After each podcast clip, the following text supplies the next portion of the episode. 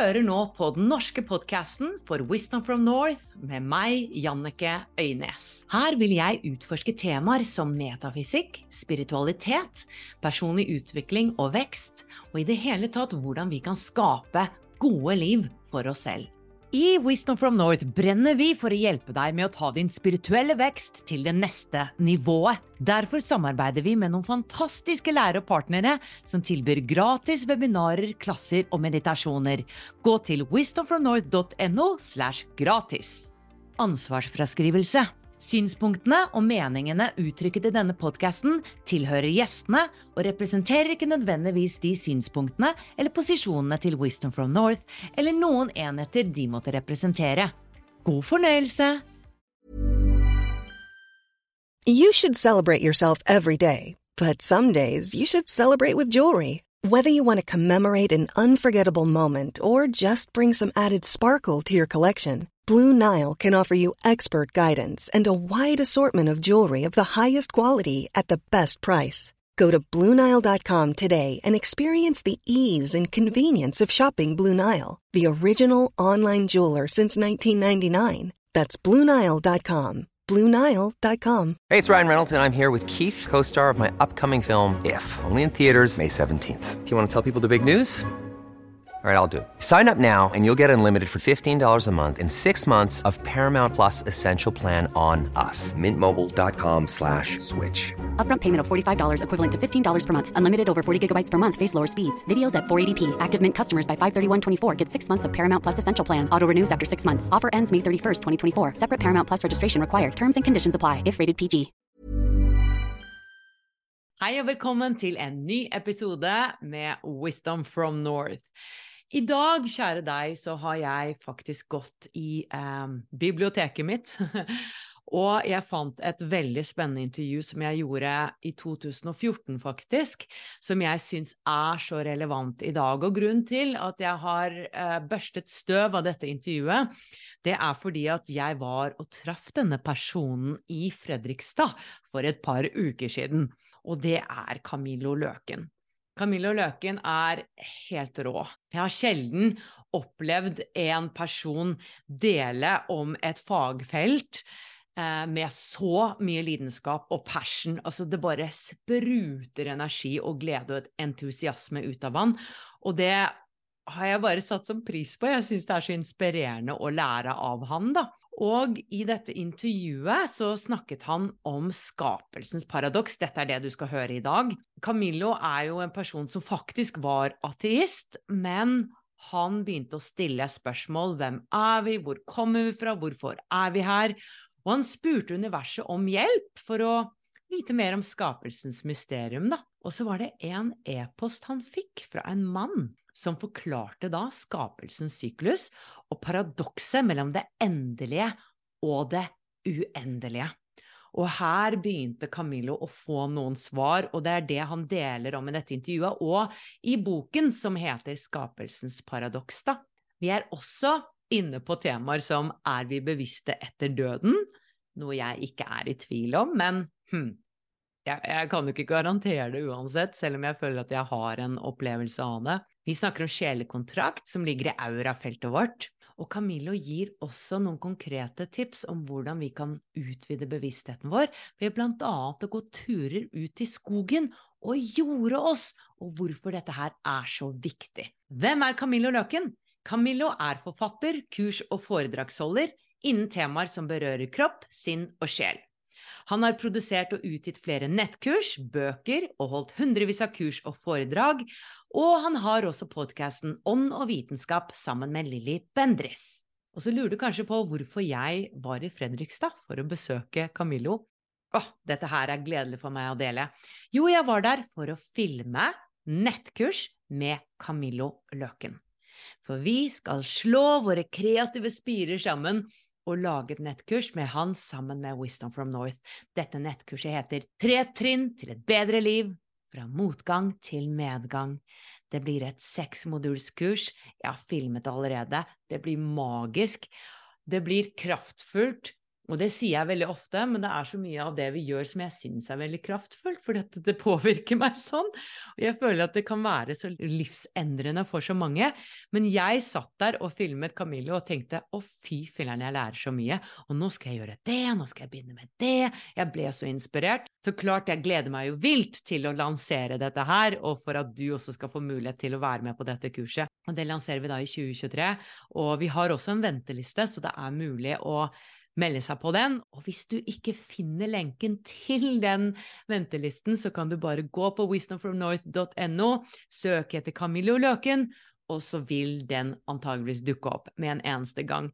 Uansett, den beste måten å få med seg alt det vi gjør på Wisdom from North av nye kurs og medlemskap osv., det er alltid å melde seg på vårt inspirasjonsbrev, der jeg deler det jeg tror du vil finne inspirerende, hver eneste uke. Det finner du også på wisdomfromnorth.no under gratis gaver.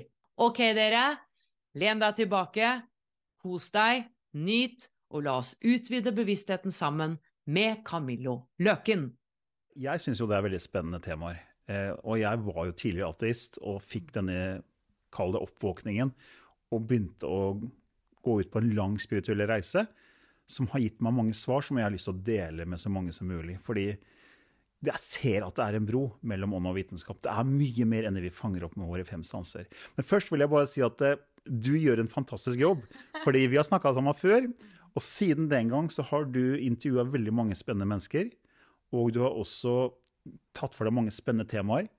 Så du gjør en fantastisk jobb. Så keep up the good work.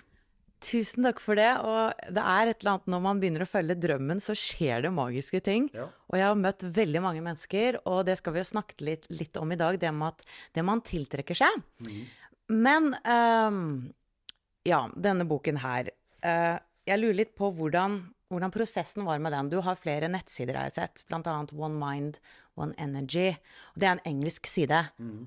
Og da var det en mann som tok kontakt med deg, som egentlig satte i gang denne prosessen her? Ja, altså jeg, jeg, Den første nettsiden jeg laga, var One Mind, One Energy. Når jeg hadde den oppvåkningen, så hadde jeg samla mye informasjon etter hvert som jeg ville dele, og da ville jeg dele det med så mange som mulig, så jeg lagde den på engelsk. Så One Mind, One Energy var et sånt sted hvor jeg bare publiserte mange for, forskjellige videoer, informasjon om det metafysiske, kobling til forskning, kvantifysikk, masse forskjellige. Og den er det mange som ser, og jeg har vel nesten 30 35 000 treff hver måned på den nettsida. Så den sprer seg hele tiden, og jeg gir ut en gratis e-bok som heter Make a Ripple, Make a Difference, som folk har lasta ned over hele verden, som også er med på å spre den nettsiden. Og etter jeg hadde skrevet bevissthetsskiftet, så følte jeg at jeg fortsatt Jeg, jeg mangla på en måte en oversikt over skapelsen. For jeg, jeg, har fått veldig mange brikker på en måte ved å spørre universet. Så finner jeg informasjon gjennom mennesker som forteller meg hva de har opplevd på den andre sida. Medium, eh, folk som er sjamaner, for jeg har jobba med både sjamaner, med medium, med folk med nærdødende opplevelser. Og jeg hadde også et privat møte med Shri Shri Ravi Shankar, som er jo en, en spirituell guru i India. Så jeg har møtt mange mennesker som har gitt meg masse input. Så jeg har fått veldig mye informasjon og svar på disse store spørsmålene. Hvem er vi, hvor kommer vi fra, hva gjør vi, hvor skal vi? Men det, jeg følte at det, jeg må vite mer, så jeg spør hele tiden universet. Vis meg mer! Gi meg mer informasjon! Så jeg går veldig mye i skogen, og når, i, når jeg går i skogen, så tar jeg av meg skoa, så jeg går barfot. I dag starta jeg med å gå en time barfot i skogen, selv om det er kaldt ute. For jeg trente meg opp til å gå selv om det er kaldt. Og da kobler jeg meg til jordas elektromagnetiske felt, og den har en, en frekvens som er innenfor vårt alfaområde. Og når du går inn i alfa, så går du ned egentlig i hjernebølgenivå og du får kontakt med universiteten din, som er porten også til det kosmiske sinn. Så jeg får veldig mange ideer og svar gjennom å være i, i naturen. Så jeg spør veldig mye, så får jeg ideer, og så settes det i gang en form for prosess, og så kommer ting inn i livet mitt. Og plutselig en dag etter jeg hadde spurt, jeg tror det var en uke etter jeg spurte universet, vis meg mer om skapelsen, så får jeg en e-post fra denne karen som heter Steve Berg i England.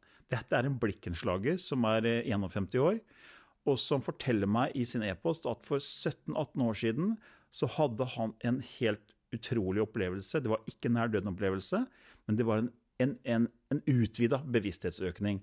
Han jobba med å legge tak på kirker og templer, og han sto og så på et kirkespir, Og så forteller han at han bare ble dratt ut, og så ble han vist hele skapelsen i sakte film. Helt, helt vilt. Og jeg får mange e-poster, og jeg forstår at den karen her han har noe som jeg ikke har sett før. Han begynte å snakke om et paradoks. Han snakka om at det er syklusene av skapelsen er drevet av paradokset mellom det endelige og det uendelige. At vi kommer fra det uendelige, og vi er nå i den endelige verden, og vi skal tilbake til den uendelige verden, og så starter alt på nytt igjen. Det er en syklus. Ok, dette må du ta litt saktere. Jeg skal ta det trinn for trinn, Ja. for det her er, det er ikke veldig mange som har hørt om det egentlig. Og han har holdt på i 17-18 år og prøver å fortelle mennesker om det her. Og ingen har tatt den på alvor. Han har kontakta Stephen Hawking, han kjente forskeren borte i England. Han har kontakta aviser, nær døden-opplevelsesforeninger. Ingen har giddet å ta den på alvor. Jeg tok den på alvor, og jeg begynte å sende e-post fram og tilbake. Og vi hadde en e-postkorrespondanse som nå har vart i 13 måneder.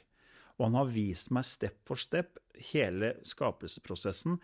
Og det som er så fascinerende, er at han bruker logikk, og du kan egentlig ikke argumentere mot det han forteller. Fordi det er helt logisk, det han sier, når det gjelder skapelsens paradoks. For det som er hele greia, er at veldig mange mennesker snakker om at alt er sinn, og er, vi er alle del av Guds sinn, og vi er her og erfarer oss selv, og vi er alle Gud i forkledning. Det sier veldig mange mennesker. Og vi fortsetter vår reise når vi dør, og alt det er. Men det er ingen som egentlig kan forklare hva er det som skjer videre. Hva er det som skjer når på en måte utvikler det som sjel, da? For å si at Vi er jo her for å lære og erfare, sier folk.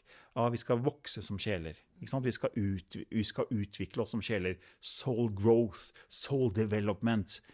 Men, men når slutter det? Når slutter læringen? For det, liksom, her har vi liksom på en måte lessons, vi skal jorda er en skole, men når slutter vi å lære? For det må slutte en dag. Så sier han det må slutte fordi den endelige verden er nettopp det. Den er endelig. Fordi her har vi rom og tid. Og når du har rom og tid, så må ting slutte, fordi det her er, det er endelige parametere. Eh, når det er en start, sånn som det er med Big Bang, så må det også være en slutt, sier han. Så han forklarer hele skapelsens paradoks i fem trinn. Og det, det er veldig egentlig logisk når man, man tenker på det. De, de fem trinnene er som følger. For det første sier han alt er sinn. Absolutt alt er ett kosmisk sinn som gjennomsyrer alt som er. Det er alt som er. Det er sinn. Alt er basert på sinn. Mener du da bevissthet? Nei, sinnet er både bevisst og ikke bevisst. Det er et sinn. Altså, du har jo et sinn, men du kan både være bevisst og du kan være ubevisst. ikke sant? Du kan jo sove, og du kan være våken. Så du har et sinn som både er ubevisst og bevisst. Men det, det, sinnet gjennomsyrer alt. Det er det første. Eh, Og det andre er at dette sinnet er uendelig. Fordi det er ikke noe startpunkt til et sinn. Du har et sinn. Og Før så trodde man at sinnet var kobla til hjernen, at det var en, på en måte en, en, en, sak som hadde med hjernen å gjøre. Ja, det har jo på en måte med det, men det er ikke låsbart til hjernen. Sinn er mye mer enn en, en aktivitet for hjernen. Det er, det, er noe, det, er, det er ikke noe startpunkt til et sinn, og det er ikke noe sluttpunkt til et sinn. Du kan ikke avgrense et sinn. Så det sinnet er uendelig. Og det som er det spesielle med, med begrepet uendelig, er at det er, det, er ikke, det er ikke en kjent tilstand. Fordi mange tenker uendelig, da tenker man at det er stort. Altså universet er uendelig stort. Men det har ingenting med størrelse å gjøre. Og for å forklare det på en enkel måte, da, tenk deg det motsatte av det uendelige er det endelige. Og hva er det endelige? Jo, det er, det er noe du kan måle. Det rommet her er jo endelig. Du har jo en vegg der, og du har en vegg der, og du kan jo måle hvor stort dette rommet er, så du kan definere det. Det er et endelig rom. Så det motsatte av det som er målbart, er jo det som ikke er målbart, som er det uendelige. Så du kan ikke måle det uendelige. Du kan ikke kvantifisere det. Og rom og tid er det vi bruker for å kvantifisere og definere noe. Så det betyr at det uendelige kan ikke måles. og Derfor kan ikke rom og tid eksistere i det uendelige. Det er punkt nummer to. Punkt nummer tre at dette sinnet er bevisst. Du er bevisst, og jeg er bevisst, og vi er alle en del av sinnet. Ergo er også sinnet bevisst. Og så kommer det fjerde punktet, og det er at det, dette sinnet som da er bevisst, krever rom og tid for å kunne være bevisst. Fordi bevissthet må ha rom og tid for å være bevisst. Hvis du skal skape og være bevisst på din skapelse, så må du ha rom og tid. Hvordan? Du klarer ikke å skape uten å ha rom og tid. Du må ha et sted å skape, og du må ha tid for å skape. Så du må også ha rom og tid for å kunne være bevisst. Hvis du skal være bevisst på at jeg sitter nå her, så må det være en følelse av plass, avstand mellom oss. For hvis du bruker et eksempel som et, med et speil, da, og sier at hvis jeg skal se meg selv i speilet, så må jeg ha en viss avstand til speilet. ikke sant? Men hvis speilet er helt trykka inn her, så klarer ikke jeg å observere meg selv. Så det vi skal observere, må på en måte være på en, måte en avstand fra punktet ditt av bevissthet. Så bevissthet må ha en følelse av avstand. Ikke nødvendigvis fysisk plass eller rom, men en følelse av avstand. Så du sier at det finnes ikke bevissthet utenfor rom og tid, men utenfor rom og tid så har vi uendelighet? Riktig. Men så sier jo folk da ja, men jeg gikk jo ut av rom og tid og var død. Ja. Men så lenge de er bevisst når de har vært på den andre sida, så er det rom og tid. Men det er en annen form for rom og tid, og det er tid-rom. Det er det motsatte av rom og tid. For du har rom og tid henger sammen. Og Dewey Larson var en amerikansk ingeniør som fant ut at hvis rom og tid henger sammen, og du har tre dimensjoner av rom, for vi har jo bredde, høyde og dybde, så vi kan bevege oss rundt på jorda, ikke sant? Så har vi én dimensjon av tid, så vi kan, vi kan, ikke reise i tid. Så det er kun én dimensjon av tid. Fortid, nåtid og fremtid, men vi er på, en måte bare i nuet hele tiden. Så du har tre dimensjoner av rom og én dimensjon av tid. Og så sier han disse to henger sammen, for det beviste jo Einstein. Mm -hmm. Men hvis det er tre dimensjoner av rom og én dimensjon av tid, så må det også det motsatte være sant. Da må det være på en måte tre dimensjoner av tid og én dimensjon av sted, eller rom. Mm. Og på den andre siden så er jo fortid, fremtid og nåtid Det skjer jo hele tiden, så du kan reise i tid. Oh my goodness, aha! Så du, du kan reise i tid, fordi de, de, disse tre dimensjonene er på en måte Akkurat som du kan bevege deg i rom her, så kan du bevege deg i tid på den andre siden. Ja, it makes sense. Ja, Det er det motsatte. Så rom og tid, det er det vi har her. Når du går på den andre siden, så har du tid-rom. Ja. For du kan ikke være bevisst uten rom og tid, eller tid-rom. Men de er bevisst på den andre siden. Og, og Eben Alexander, som du har intervjua, han, han, var jo en stor skeptiker og sa at nær døden-opplevelse er bare tull. Han kunne forklare bevissthet da det produseres av hjernen. Så får han hjernehinnebetennelse, og hjernen svinner hen. Og han hadde jeg tror det var 2% sjanse for å overleve. Han går i koma, og etter syv dager så kommer han tilbake og forteller at han har vært bevisst på den andre siden, mens hjernen hans ikke klarte å produsere noe som helst av bevissthet. For det, hadde, det viser noe til i, i blodprøver og i, i, alle prøvene som ble tatt av ham når han lå i koma. ikke sant? Mm. Det fortalt han sikkert deg i intervjuet ditt. Mm. Og han ble jo da en advokat for at det er bevissthet fortsetter på den andre sida. Mm. Men hvis du er bevisst, så må du ha en form for rom og tid. Ja. Enten rom-tid eller tid-rom. Derfor er vi fortsatt i den endelige verden, selv når vi fortsetter etter vår død. For når du kommer til det uendelige, så kan du ikke ha rom og tid. Så paradokset er at eh, du har et sinn, et kosmisk sinn, som er uendelig, for sinn er uendelig, men det er jo bevisst, og bevissthet må ha rom og tid. Så ergo så har du et sinn som både er uendelig og endelig samtidig. Mm. Fordi bevissthet eh, krever rom og tid, og det er den endelige verden. Så det er, for å forklare det veldig enkelt, da, det er akkurat som om sinnet sover, som er det uendelige, som ikke er bevisst, for det er bevisstløs. Du, vi er jo bevisstløse når vi sover. ikke sant? Altså, det er et ubevisst tilstand. Så du har et sovende sinn. Men samtidig, i vår verden, så er sinnet våkent. Så dette sinnet er både sovende og våkent samtidig. Mm. Og du kan ikke være den egen definerte motsetning fra det samme perspektivet. Og så Hvordan kan du både være sovende og våken samtidig? Og det som skjer, det, det, det, det er paradokset. At du har dette sinnet som både er sovende og våken samtidig. Og det som skjer, er at når vi på en måte har erfart alt som er å erfare i den endelige verden, så kommer vi til dette punktet hvor det endelige og det uendelige møtes. Og dette kalles, eh, sier Steve, er paradoksepunktet. Og det, der går vi faktisk gjennom hver natt når vi sovner inn. Fordi når du sover, når du er våken, så legger du om kvelden, og så går du ned i hjernebølgeaktivitet. ikke sant? Og du er i beta, du er våken, så går du lenger og lenger og lenger ned. Og til slutt så sovner du inn. Så du er bevisst, og så er du mindre bevisst, mindre bevisst. Og så, på et eller annet punkt så sovner du, og så mister du din bevissthet. Og i det punktet så kan du ikke være bevisst. Du vet, du, du vet jo ikke når det er når du sovner inn. Du kan ikke si nøyaktig når du sovner inn. Så du sovner inn på et visst punkt, og da går du over i ubevisst tilstand. Og det punktet der kaller han paradoksepunktet. For der kan du ikke være bevisst, og der går du fra det bevisste tilstanden over i det ubevisste tilstanden. Og det han sier da, er at det, her på jorda, det vi gjør her, er å erfare alt av det potensialet som du, det uendelige sinnet har. For du kan tenke deg at eh, dette sinnet har et uendelig potensial til å bli hva som helst. Men da blir vi jo aldri ferdig når det er et uendelig potensial som vi skal erfare. Jo, det, altså, det, dette potensialet blir jo pøsa ut i den endelige verden alt du kan, fordi alt handler om at dette sinnet skal erfare seg selv og definere seg selv. fordi du, vet på en måte ikke hvem det er før de gjør noe for å definere hvem det er. For å ta et eksempel, da. Hvis du sier 'jeg har potensial til å male som, som Leonardo da Vinci eller Michelangelo', hvordan vet du det hvis ikke du gjør noe? for å få en bekreftelse på at du faktisk har det potensialet til å gjøre det. Du må gjøre noe for å få en bekreftelse på at du faktisk har det potensialet i deg. Hvis folk sier 'jeg er en akademiker', hvordan vet de det? Uten at de har gjort noe for å få en bekreftelse på at de faktisk er det. Så alt handler om å gjøre ting for å være. Så det handler om å gjøre for å være. Så vi er her for å gjøre, som er på en måte et annet ord for å skape. Så vi kan erfare oss selv for å finne ut hvem vi egentlig er, som egentlig er da på en måte representanter for dette sinnet som, som folk kaller Gud. Og det til syvende og sist handler om kjærlighet for å elske seg selv, fordi dette sinnet er alene. Det er ett sinn.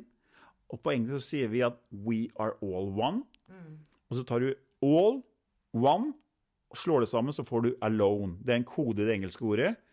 All one blir 'alone'. Så dette sinnet er alene og skaper en, en, boble av rom og tid, som vi kaller det big bang, for å erfare sitt potensial. Og gjennom det potensialet så blir det gjort ting og skapt ting for å erfare følelser, for å kunne elske seg selv til syvende og sist. Men for å kunne vite hva kjærlighet er, så må du vite det motsatte, som er frykt. Så derfor går vi gjennom alt fra frykt til kjærlighet. Så vi er hele på, på veien på en stor, stor syklus fra total forglemmelse, akkurat som å våkne fra et koma, og så begynner vi på denne lange reisen i, i den endelige verden med mange forskjellige dimensjoner, frekvenser, alt du ønsker å kalle det. Så går du tilbake til det uendelige. Og hva skjer da? Det er jo ikke noe mer å gjøre. Du har erfart alt som er å erfare i milliarder av år. Det eneste som kan skje da, er en blackout, og så starter alt på nytt igjen. Er det i vårt univers, på en måte, eller prøver jeg at Vi er en liten film inni den store filmen. Vi er en liten historie inni den store historien. Jeg ser på det som en gigantisk syklus, og så er vi i en liten syklus i den store syklusen. Og alle andre stjerner, og når vi snakker om beings eh, på andre planeter, de er også med i dette her? Denne store syklusen, ja. Tenk deg på en måte at det er sykluser inni en syklus, eller for å ta, ta en bok, da. Tenk deg at hele skapelsen er som en svær bok som er lagt ut med alle sidene. Så fra det uendelige perspektivet så ligger alt der du ser den endelige verden. Hele historien. Men vi er på en måte på side 30. Der er lille jorda med sin historie. Men så har du andre historier på andre sider, og alt henger sammen. Så vi, vi, Det er akkurat som en film, og inni en film kan det være en egen liten historie som henger sammen med den store historien. Ja. Så du, alle disse andre virkelighetene, uh, aliens, ufoer Alt dette her er en del av den gigantiske syklusen som er en del av den endelige verden. Om det er femte dimensjon eller hva det er. Alt handler egentlig bare om frekvenser. For det, det er det Nikola Tesla oppdaga. Den mest fantastiske oppfinneren og oppdageren som verden har sett, var Nikola Tesla. Og han sa hvis du vil forstå hemmeligheten med universet, må du tenke i form av energi, frekvens og vibrasjon. Og vi har jo mennesker som sier at ja, jeg kan se avdøde mennesker. Jeg kan se spøkelser. Jeg kan snakke med engler. Bla, bla. Du har alle disse menneskene og som, som har vært på den andre siden og møtt avdøde slektninger. Er de gærne hele gjengen? Er de helt crazy? Skal vi sperre dem inne? Nei, vi skal jo ikke det. For det eneste de har, de har evnen til å være, eh, til å være på andre frekvenser. De tuner seg inn på andre frekvenser. Og Jeg kan bruke et veldig enkelt eksempel. og det er Tenk deg at Alt dette sinnet er som et gigantisk samling av absolutt alle radioprogram som fins i hele verden. En haug med program. Det er program om mat, det er program om helse, det er program om biler, det er program om teknologi. Alt mulig. Svær samling av radioprogram. Så sender disse programmene ut i eteren på spesielle frekvenser. Og vi plukker opp ett program som heter Tredimensjonale verden, som heter Jorda. Så vi er innenfor det frekvensområdet som heter tre, tredimensjonale verden. Her er vi. Så vi fanger opp dette programmet, så vi ser dette programmet her. Wow, vi er inne i dette programmet. Ja, ja. Og, men så er jo mennesker som, som, som har evnen til å gå over i andre frekvenser, så de kan gå inn og tune seg inn på andre virkeligheter. Akkurat som du skal gå fra ett program, la oss si du er på P1, og skal over til P3, så må du snu frekvenshjulet. Du må skifte frekvens på radioen din. Så vi har en hjerne, og det er på en måte antenna som fanger opp signalene. Så vi drar inn frekvensene og, og ser da denne verden her. Men hvis vi ønsker å se en ufo, hvis vi ønsker å se et avdød slektning, så må vi endre frekvens. Og det er, det er jo ikke så mange som får til det, for du må faktisk gå ned i hjernebølgeaktivitet. Du må gå ned i stillhet og senke hjernebølgeaktiviteten din. Fordi når du går ned i hjernebølgeaktivitet, så går du opp i frekvens. Det er en sammenheng. Det er akkurat som bølger. Det er på en måte Betabølgene de er sånne raske bølger. Og når du går lenger ned, så blir det større bølger. Da får du, du går lenger ned, men så blir bølgene høyere. Så du går høyere opp i frekvens når du går lenger ned. Og det sier alle som jobber med, med det her å få kontakt av andre virkeligheter. og, når du går på trommereise og alt det handler jo om å få ned hjernebølgeaktiviteten, så du kan gå opp i frekvens. For da kan du koble deg på andre disse, disse programmene, denne radioprogramsamlinga. Så kan du se de andre programmene. Og hva er det Jesus sa for noe? Altså, jeg er ikke kristen eller buddhist, eller noen ting, men jeg, jeg, bruker ofte Buddha eller Jesus som referanser. Og Jesus sa 'I min fars hus er det mange rom'. Hva betyr det? Hva betyr det? Jo, fars hus er det kosmiske sinnet, og inni dette sinnet så er det en haug med avdelinger, som mange kaller dimensjoner. Og det er avskilt med frekvenser. Tesla hadde helt rett. Alt handler om energi, frekvens og eh, vibrasjoner. Så vi kan se disse andre virkelighetene når vi faktisk går ned i hjernebølgeaktivitet, så vi kan gå opp i frekvens. Når vi øker vår bevissthet, så får vi tilgang til andre rom i fars hus. Ja. Og Einstein var jo inne på det, han også. Yes. Og det er, det er så mye forskning nå, men det kommer ikke ut. Ja, fordi at Du har lest masse kanaliserte bøker, men du, ja. du, har spiritualiteten og så har du vitenskapen, og så prøver du da å finne ja. disse trådene. Og du sier jo i boken at uh, det jeg har lest i de kanaliserte bøkene, det kommer vitenskapen med nå. Ja, det er interessant, for det er bl.a. Jane Roberts som kanaliserte en energi som kalles sett. Alle disse har jo mange forskjellige navn. Altså det, det, er jo bare ett sinn, men man liksom lager det sånn fancy. Sett kommer til meg, og så snakker gjennom Jane Roberts. Men uansett, da. Sett I boken Sett Speak så sier Jane Roberts, da, eller Sett, da, at våre tanker er elektromagnetiske enheter. Så vi produserer både elektriske og magnetiske felt med våre tanker. Og så, og så kommer da eh, forskning og viser at ja, vi produserer elektrisk aktivitet med hjernen. Vi har jo EEG, som vi kan også feste og måle EEG på hjernen. Og I 1998 så kom det et apparat som et MEG, som, som, viser at vi produserer magnetisk aktivitet. Og så kommer forskningsselskapet Hartmann, som viser at hjertet produserer enda sterkere elektromagnetiske felt enn hjernen. Så det her med tanker og følelser som elektromagnetiske enheter, det ble allerede sagt i 1972 av Seth Speaks i, i boken til Jane Roberts. Så kommer forskningen mange år etterpå og sier ja, ja, ja. Og det samme er det med et hologram. Altså, nå er det jo forskning som sier at Mest sannsynlig så er dette universet et hologram. Det er noe som heter det holografiske prinsipp, som bl.a. Leonard Suskin, professor i fysikk fra Stanford University, snakker om. Det samme gjør Brian Green, som også er professor. Han snakker om det holografiske prinsipp, og de sier det er en form for konsensus, en enighet blant fysikere og teoretiske fysikere, at dette denne teorien ser ut til å kunne holde vann, at det er en sannsynlighet for at dette her er et hologram. Og Det starta egentlig med en diskusjon om sorte hull og sånt. Jeg har ikke tid til å gå inn på det. Men, men, det som er interessant, er at dette har jo blitt kanalisert i mange tiår. Altså, man har jo snakket om at dette er et hologram, og det er forskjellig hologram for vår verden og for femtedimensjonsverdenen. Så det kryr av egentlig mange forskjellige hologram, og vi opplever ett hologram. Så det her er på en måte en illusjon. Og det er jo utrolig vanskelig å forstå at du er ikke ekte, og jeg er ikke ekte, og den sofaen her er ikke ekte, og den mikrofonen her er ikke ekte, og det kameraet er ikke ekte. Ingenting er ekte! Er Men jeg har faktisk en opplevelse av det, og når jeg sier det til folk, så blir de litt sånn paffe. For jeg føler faktisk at dette ikke er så ekte. Jeg føler at vi spiller skuespill. Og det skriver du jo også i boken, at 'Wake up, we are gods in disguise'. Vi spiller roller. Hey, it's Ryan Reynolds, and I'm here with Keith, co star of my upcoming film, If, only in theaters, May 17th. Do you want to tell people the big news? All right, I'll do it. Sign up now and you'll get unlimited for $15 a month in six months of Paramount Plus Essential Plan on us. Mintmobile.com slash switch. Upfront payment of $45 equivalent to $15 per month. Unlimited over 40 gigabytes per month. Face lower speeds. Videos at 480p. Active Mint customers by 531.24 get six months of Paramount Plus Essential Plan. Auto renews after six months. Offer ends May 31st, 2024. Separate Paramount Plus registration required. Terms and conditions apply if rated PG. men at vi blir forvirret når noen forteller deg hvem du skal være. Kan ikke du utdype litt det? Jo, altså, vi, vi, er som skuespillere i en film. Jeg ser på det som en gigantisk film. Og vi er som på en måte går ut på en scene når det er vår tur til å være på scenen. Så vi tar på oss en maske, og den masken er ego. Okay. Og det egoet, det kommer når vi på en måte fødes inn i en kropp. Og hva er det som skjer de første seks leveåra? Fra null til seks år så er vi i de to laveste hjernebølgenivåene, som er teta og delta. Og det professor Lipton sier at det er det samme som hypnotisk transe. Og, Bruce Lipton. Professor i, i, biologi, Bruce Lipton, ja. ja. Og så har jeg gått og tenkt på det her, at okay, Forskningen viser at vi er i hypnotisk transe de første seks leveåra. Og så er vi sjeler som på en måte bruker en kropp for å få erfare oss selv. Og så tenker jeg, ja, da er det sånn vi faktisk får rollen vår.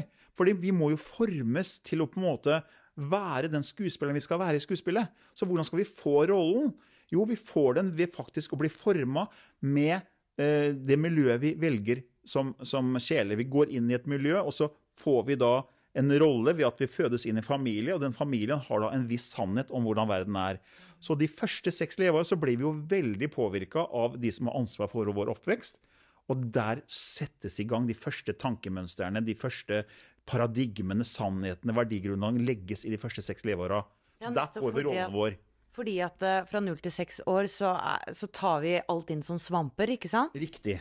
For der er ikke noe bevisst filter. Nei. Så der Alt, altså det som skjer med barn fra 0 til 6 år, er at de blir ekstremt påvirka. Derfor plukker de også opp språk veldig fort. Hvis Et barn kan jo reise til mange forskjellige land i løpet av seks, de første seks leveåra og plukke opp mange språk. Og etter vi er blitt voksne, så klarer ikke vi det samme. Fordi vi, vi, har et bevisst filter som sier nei, du kan ikke det språket, du, så det blir veldig vanskelig for deg å lære det språket. Sånn indre stemme som driver og sier at det her går ikke. Mens et barn har ikke noe bevisst filter. Det bare går rett inn. Så de, de blir formet, så vi blir forma til å spille den rollen. For når du da får et visst tankemønster og en viss tro om hva som er mulig, så begynner du å tenke på det, og så sender du det ut i eteren. Og det du sender ut, får du tilbake. Det er jo som det du, du sår og det du høster. Nei, eh, du, du, du, du, høster det du sår. Så det du sender ut, kommer tilbake. Disse lovene, loven om tiltrekning, loven om vibrasjon. Så hvordan fungerer? Jo, alt er energi. Et svært hav av energi. Du er et energivesen. Du blir forma de første seks leveåra, og dermed så skaper du en slags personlig frekvens basert på det miljøet du er i. Så du får en, på en måte en rolle, du får en, får en, maske. Så det blir rollen din, og den rollen vibrerer ut hele tiden på en personlig frekvens. Så det som kommer inn i livet ditt, er basert på hva du sender ut. Så, så, så sånn sett kan man si at det er egentlig ingen tilfeldigheter. Og det er veldig vanskelig å tro på, fordi det er jo mange som lider og har det vondt. Og da må du også blande, komme inn med det her med kjelekontrakter, at det fins ting som ligger der i, allerede i planen hva du skal gjennom. I tillegg til det du trekker inn i livet ditt, så har du på en måte aktiveringspunkter eh, i livet ditt som, som, som, som, eh, gjør at du får visse situasjoner i livet ditt. Og Et eksempel i mitt liv er at jeg vokste opp i en ateistisk legefamilie. Jeg snakker så fort fordi jeg blir så ivrig. så jeg, jeg blir, det er helt greit. Jeg blir helt sånn... Uh, du kunne sitte her i tolv timer, men det har jeg ikke video nok til. ja, jeg vokste opp i en ateistisk legefamilie. Og jeg fikk aldri høre om noe spirituelt. Jeg fikk aldri høre om uh, nær døden-opplevelser eller om at det er noe mer etter døden. Ingenting sånn. Men allikevel så fikk jeg en veldig stor interesse for det her når jeg var en tenåring, når jeg var en 15-16 år. Og jeg begynte å lese bøker om altså Dedican og ufoer, jeg leste om nær døden-opplevelser. Jeg begynte på Silva-bøkene allerede da, med José Silva, Silva Mind-metoden. Alt det her ble jeg veldig, eh, veldig interessert i som, som 15-16-åring. Men hvor kom det fra? Fordi hvis jeg trekker ting inn i livet mitt, så sendte jo ikke jeg ut informasjon om at jeg vil ha det inn i livet mitt. Nei. Og jeg hadde ikke blitt programmert at jeg skulle tenke sånn. Så hvor kom det fra? Det var en form for aktivering, sånn som jeg ser det da. Det ligger... Vi har begge deler. Altså, vi tiltrekker, men så har vi med oss en sjele... Jeg tror det er en sjelekontrakt som aktiverer ting som ligger i aurafeltet ditt, som på en måte trigger, om det ligger i DNA eller i aurafeltet, som trigger ting når du kommer til en viss nivå av bevissthet, og du er klar for på en måte å få den informasjonen inn, og så skal den på en måte være en del av det du skal erfare, eller skuespillet som du er med på. da, At du har en rolle, og den rollen skal gjennom visse ting. Så, så hvor mye fri vilje har vi da egentlig? Og det er, det er jo forskning som viser at 97% av våre beslutningsprosesser styres av det underbevisste. Og det underbevisste igjen er programmert i veldig ofte fra de første seks leveåra. Så det er sånn, sånn, jeg ser at dette systemet fungerer. Det er et sinn som er bevisst, som har regler, og disse reglene er disse universale lovene om loven om vibrasjon, loven om polaritet, loven om tiltrekning. Og hvis du ikke kjenner til reglene, så vet du ikke hvordan spillet fungerer, og dermed så ser livet ut som å være tilfeldig. Så når det skjer noe negativt, så er vi offer. Men hvis du ser det større bildet, så sier du at denne situasjonen har jeg enten tiltrukket inn i livet mitt med det jeg har tenkt på ubevisst, eller så er det en trigger som gjør at jeg skal gjennom det, og jeg skal erfare det. For det er det jeg skal erfare nå. Men de siste tre prosentene, er det da bevissthet? Er det da eh, den loven om tiltrekning, at vi kan faktisk bevisst tenke på noe for å manifestere det? Det hjelper ikke å tenke positivt, for å si det sånn, da, hvis det underbevisste er negativt. Altså, Hvis du har hele tiden hørt fra barndommen at uh, glasset er halvtomt, at alt liksom er utfordret, eller alt er problemer, og, og penger er roten til alt ondt Hvis det er type program du har fått høre som barn, så ligger det i deg. Og så blir du voksen, så vil du ha penger. Men siden programmet sier at penger er roten til alt ondt, så hjelper det ikke å tenke at du ønsker masse penger, hvis underbevisstheten sier noe annet. Så det man må gjøre da, man må bruke det bevisste sinn for å omprogrammere det underbevisste sinn. Hvordan gjør du det? Og det er jo å gå i stillhet og gå ned i alfa.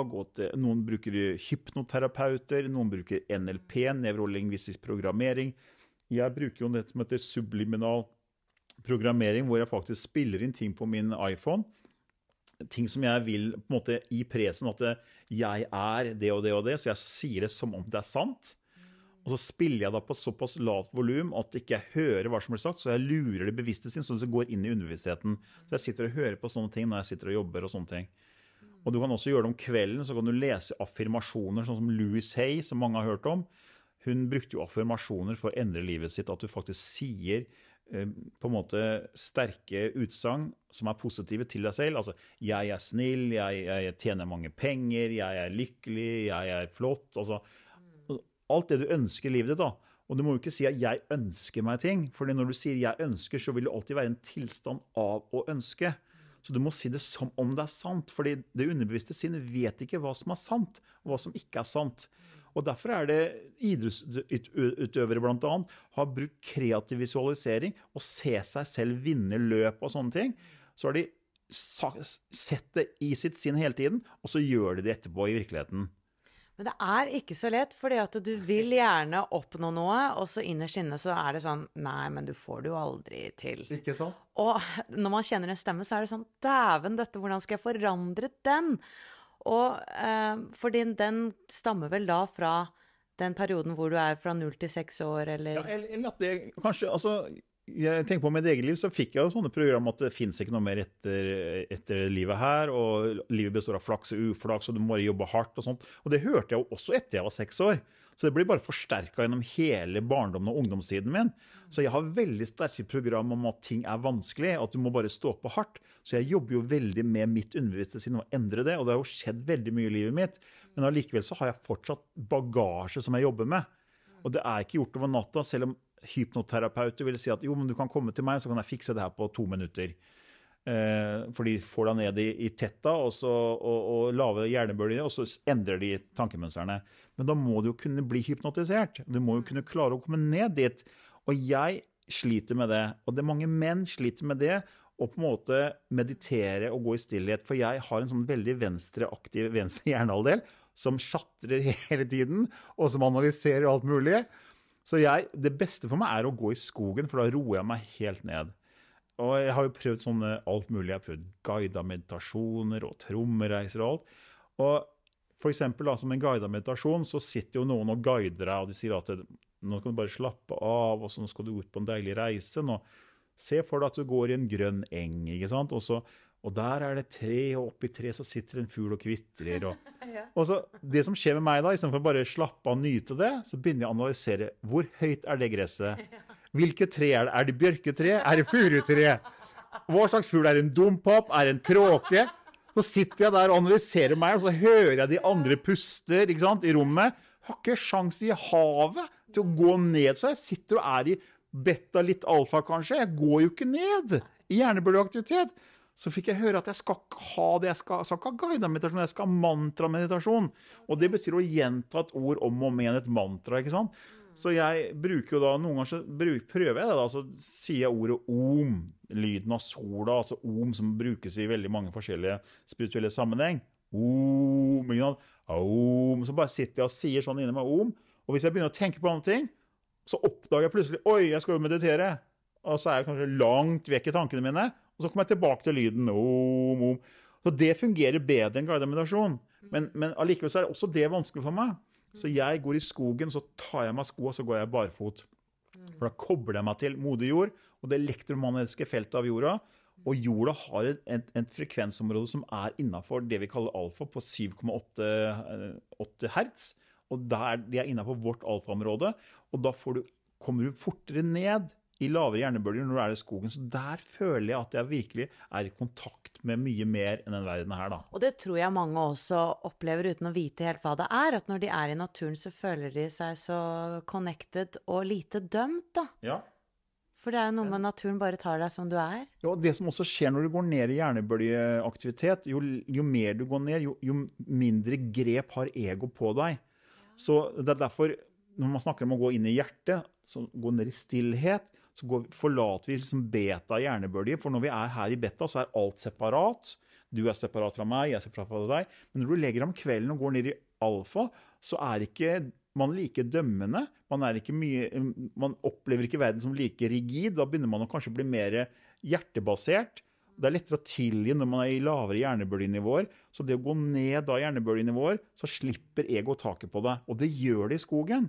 Du slipper taket, så blir du mer blir på en måte nesten snillere person altså, når du er i skogen. Du er mer, og hvis du har problemer og utfordringer i livet, gå ut i skogen. Gå ut i skogen! Og ta deg på beina, fordi når du er barfot, så får du kobla deg til det magnetiske feltet til jorda, som, som bl.a. Lee Carroll sier er bra for vår spirituelle forståelse. Men også det er bevist i forskning at det er veldig bra for vår biologi og vår helse, fordi jorda er et reservoar av antioksidanter. For antioksidanter er egentlig ikke noe annet enn elektroner som på en måte kroppen trenger. For når vi spiser mat, så bruker vi oksygen for å på en måte bryte ned maten, og da starter en oksideringsprosess. Og da får vi det som heter frie radikaler, som mange har hørt om. Og frie radikaler mener man kan være skyld i mange sykdommer. Og hvis man ikke da pøser på med antioksidanter som kan stabilisere disse frie radikalene, så får man på en måte et, et elektronunderskudd. Og det som er hele greia med jorda, det produserer, eller det får masse elektroner hele tiden, for det lyner ca. 5000 lyn per minutt ned på jorda.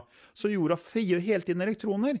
Men vi går med gummisko, og vi går med joggesko som har plastsåler, og så bor vi i asfaltbyer, så vi får ikke den energien fra jorda. Så fort du tar deg på beina og begynner å ha fysisk kontakt med jorda, eller bade, bade i saltvann, så får du massevis av elektroner. Og da føler du deg mye bedre. Så mange drar til Syden og sier at å, nå fikk jeg en vitamininnsprøytning fordi jeg har vært i sol og varme. Men ingen tenker på at de faktisk er veldig jorda for masse elektroner, som er egentlig antioksidanter. Fordi antioksidanter er antioksidering, så du stopper oksideringsprosessen. Så du stopper frie radikalproduksjon, så du faktisk får stabilisert cellene. For det som egentlig skjer, er at atomene mister et elektron i ytterste atomskall. Det her blir veldig sånn teknisk, men, men Kanskje vi skulle flytte Stortinget ut i naturen, da? Vet du hva, Jeg har en sånn idé om at eh, hvis, hvis bedrifter vil gjøre, gjøre, det bedre, så skal man flytte hele brainstorming sessions ut i skogen, ta seg på beina og sitte der og bare slappe av i stillhet. Og så la ideene boble, for da kobler man seg til dette feltet. Man går ned i alfa, man får masse masse eller elektroner som hjelper kroppen din. Og i tillegg så får du en større forståelse av hvordan alt henger sammen. Men du, la oss gå litt inn på uh, oss som mennesker. Uh, hvordan, uh, hvordan vi kan tiltrekke oss det vi ønsker, og hvordan vi kan være de vi er, uten å føle at vi må være som alle andre. Fordi jeg snakker med mange, jeg går på skole selv, snakker med mange om at de føler at de må passe inn i dette systemet hele tiden. Ja. Og det er der vi går feil, er det ikke det? Jeg, jeg, jeg syns den verden her har blitt sånn at man skal på en måte leve et liv som er forventet av andre. Forventet av samfunnet, forventet av hva foreldrene forventer av deg, av hva, hva andre rundt deg, venner. Så jeg levde jo et sånt liv sjøl fordi jeg, det var forventa at jeg skulle ta meg utdannelse. Og det var forventa at jeg skulle sikre meg en, en jobb i en ålreit bransje. Så jeg havna i legemiddelbransjen og tjente masse penger der og gjorde det som var forventa, men jeg var ikke tro mot meg sjøl. Så jeg gikk på autopilot.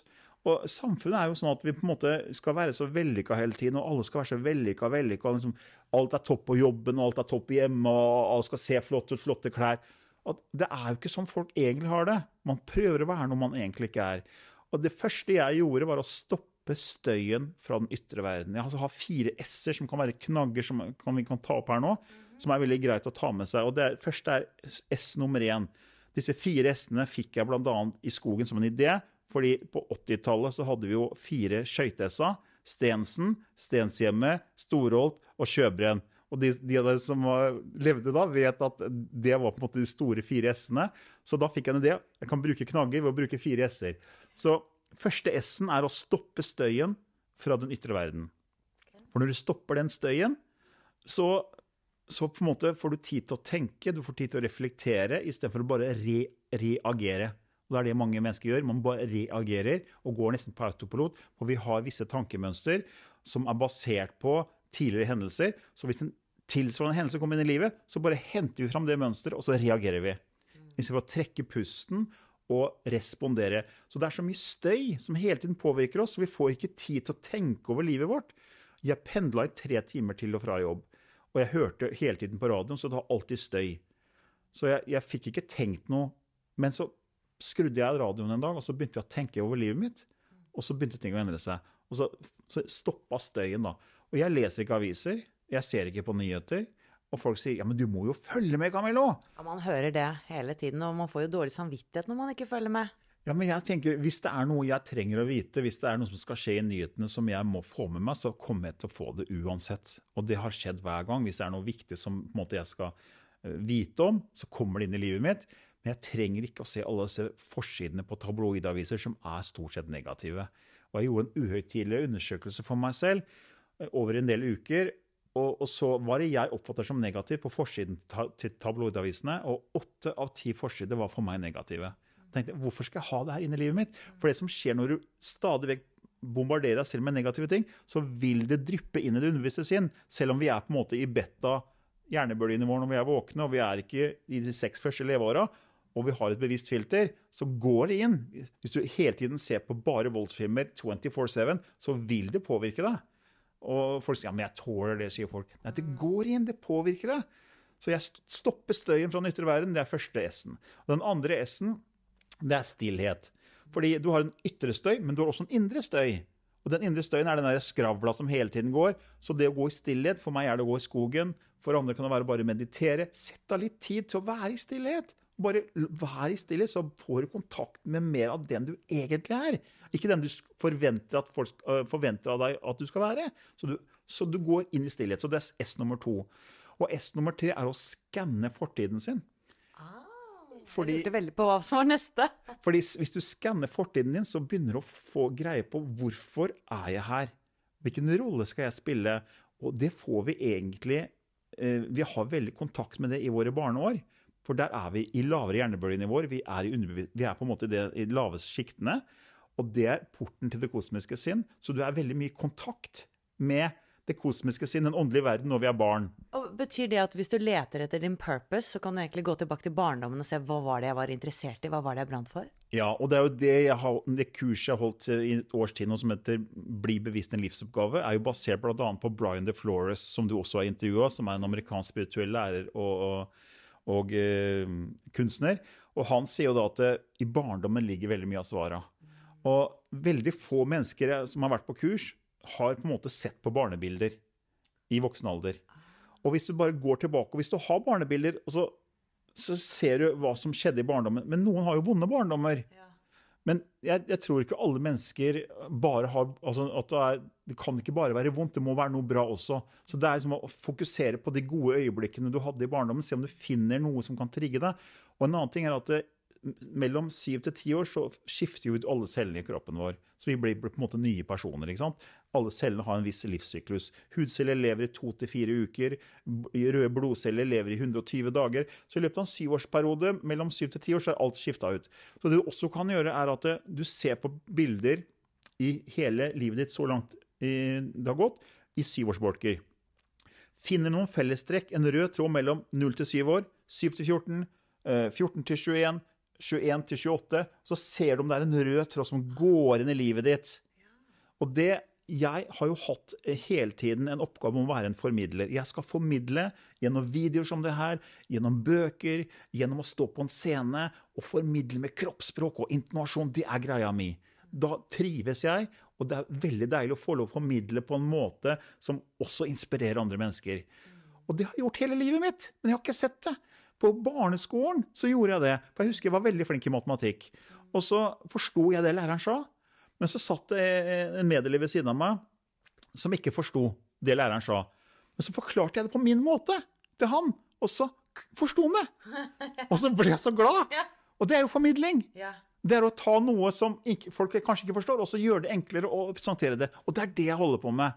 Så jeg får helt sånne bilder, og sånn kan jeg forklare det her på en enklere måte. Og det gjorde jeg i barneskolen, jeg gjorde det på ungdomsskolen, jeg gjorde det på gymnaset, jeg gjorde det på universitet når jeg gikk på universitet. Det har jeg gjort hele livet mitt. Det er egentlig å formidle. Mm. Og det er den røde tråden i mitt liv. Og det har alle mennesker. har en sånn rød tråd. Hva er din røde tråd? Og da kan du skanne fortiden din. Så det er S nummer tre. Og den siste S-en også en veldig viktig det er å få støtte og support av mennesker rundt deg, så du ikke er alene. For hvis du er alene, så blir det knalltøft. Jeg har alltid hatt kona mi. Kona mi har støtta meg i alt jeg har gjort. Og hun, eh, når jeg hadde slutta i legemiddelbransjen og tjente gode penger for å på en måte bli spirituell og jobbe med det spirituelle, så er det et ganske stort skritt å gå fra legemiddelbransjen til å jobbe med det, det spirituelle. Det er et veldig stort skritt. Og da sa han 'følg hjertet ditt'. Så har jeg alltid hatt støtte i kona mi, da, som har støtta meg i, i, det jeg tror på, og det jeg holder på med. Så hvis du ikke har noen, så finn noen, et forum, Facebook-gruppe, noen som du kan snakke fritt med. For det er så tungt å være alene.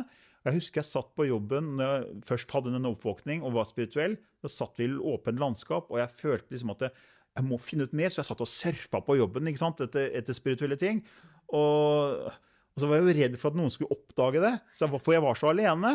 Men så oppdaga jeg etter hvert at det var andre også i jobben som var spirituelle, og så ble vi en sånn liten klikk som delte informasjon. Og det var så deilig å kunne snakke fritt med noen andre om det her, uten å bli stempla som gal eller crazy.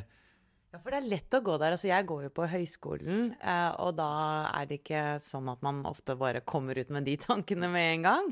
Og da eh, ser jeg jo hvordan hjernen min fungerer, at jeg begynner å tenke veldig akademisk. Ja. Og plutselig så føler jeg at jeg mister en del av meg selv igjen. Og så møter jeg personer som deg igjen, som får den der gnisten opp igjen. Så jeg kjenner veldig at jeg blir påvirket av de miljøene jeg er i. Så jeg tror det er veldig viktig å, å, eh, på en måte være rundt de som støtter deg hvis du har lyst til å følge drømmen din. da, fordi at det er jo mange som selvfølgelig tenker at de vil beskytte deg fordi at de har en frykt, og så sier de nei, jeg tror ikke det er så lur idé, ikke sant? Og det kan jo stoppe deg da, å følge mm. drømmen din. Ja, for det er, det er, Ofte så er de som står nærmest, det er ofte de som er de største kritikerne, og som kanskje stopper drømmen din, fordi de vil egentlig ditt beste og si at det, den veien der den er ikke trygg, den er farlig. Ikke gå der, ikke studer det. Eller ikke følg den, den drømmen der, fordi da kan du kanskje ikke få inntekt, og du kanskje ikke har noen sikker fremtid. Og jeg følte jo det når jeg oppdaga denne spirituelle verden, eh, når jeg leste nær døden-opplevelsesbøker når jeg var tenåring, så ville jeg studere parapsykologi, blant annet. Og jeg fant en linje husker jeg, borte på universitetet i Skottland, så jeg vurderte å studere der. Og da fikk jeg høre at det kunne jeg ikke gjøre, for da ville jeg ikke ha noe levebrød. For det var ikke en trygg nok eh, utdannelse. Så da ble jeg veldig fort forma til å følge en annen vei. Jeg ble på en måte påvirka til å følge en hva er det som er sikker fremtid? Så begynte jeg å tenke hva er sikker fremtid? hva er sikker fremtid? Så tenkte jeg data og det var, det var, liksom, det var fremtiden. Og økonomi. Så jeg studerte jo det i Canada. Og så studerte jeg andre ting etter hvert. Men da fulgte jeg egentlig ikke hjertet mitt. Og det vi sier nå, jeg går jo til å bli lærer, jeg går på lærerskolen, det er jo at vi utdanner barna, eller prøver å utdanne dem til yrker som ikke finnes. Ja, og det er kult. Og det, det, er så viktig å lytte til barna når de er små, for der har de egentlig manuset for det de skal gjøre i livet her. Det ligger intakt. Og de ser ting, og de sier ting som vi bare Nei, slutt å tulle, det er fantasi. Men det er ikke fantasi. De er kobla på så det holder til den andre sida. De, de er mye mer i kontakt med den åndelige verden enn det vi er. Og de ser ting. De, de, så vi må lytte til barna våre. Lytte hva de sier for noe. Fordi de har Hjerneforskning viser at de suger til seg helt sinnssykt med informasjon. Selv om vi tror de er bare små sånne kosebarn som vi kan bare Det er liksom Vi lærer av hverandre, det er ikke bare vi som lærer dem. De har så mye eh, kontakt med den åndelige verden at eh, de fleste er ikke klar over det. Og de er egentlig i hypnotisk transe. Så det vi sier og ikke minst gjør, påvirker det også veldig. Så hvis de får høre helt fra små av at alt er mulig, hvis du virkelig sier det hele tiden, du kan bli hva du vil, du kan bli hva du vil, uansett om du er jente eller gutt. Du kan bli hva du vil! Og du støtter dem, og de også hører det fra venner, og de hører det fra skolemiljø. Så er egentlig sky still altså, no limit. That was beautiful. Å si til barna du kan bli hva du vil! Ja, men det, er, men det, er, egentlig mulig, for det handler om frekvenser og vibrasjoner. Og når du på en måte blir begrensa, så Nei, du kan ikke gjøre det. Nei, du kan ikke gjøre det. Nei, du er jente, så du kan ikke bli sånn. Og du er gutt, så du kan ikke gjøre det. Så da får du begrensninger. Og du sånn, vi trykker sånne begrensninger ned på oss hele tiden. Fra vi er små.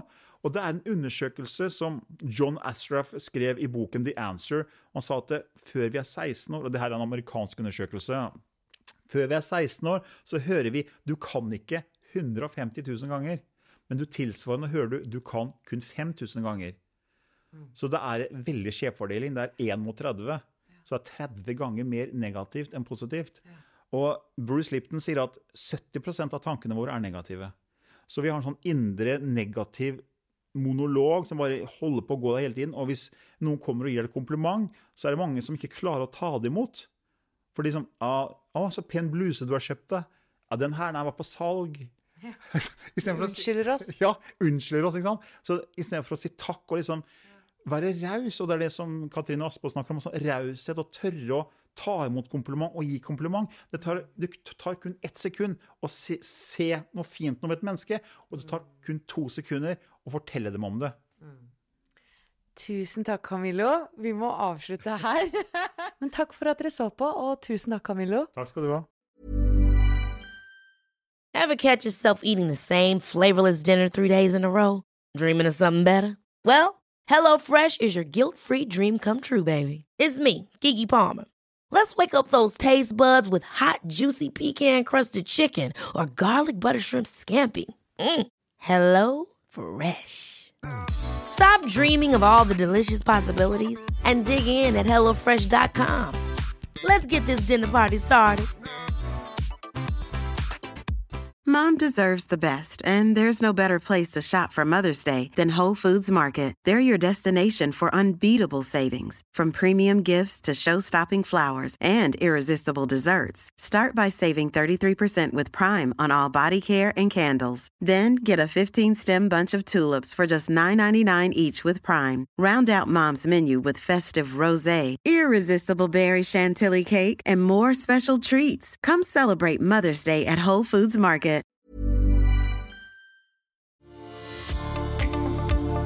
Ønsker du å utvikle deg som menneske, åpne opp mer for din livsoppgave og utforske en dypere mening med ditt liv? Så er du hjertelig velkommen inn i Wisdom from North medlemskap. Og det finner du på wisdomfromnorth.no slash medlemskap. Om du vil gå enda litt dypere, så finner du alle våre norske nettkurs på wisdomfromnorth.no og våre engelske nettkurs på wisdomfromnorth.com.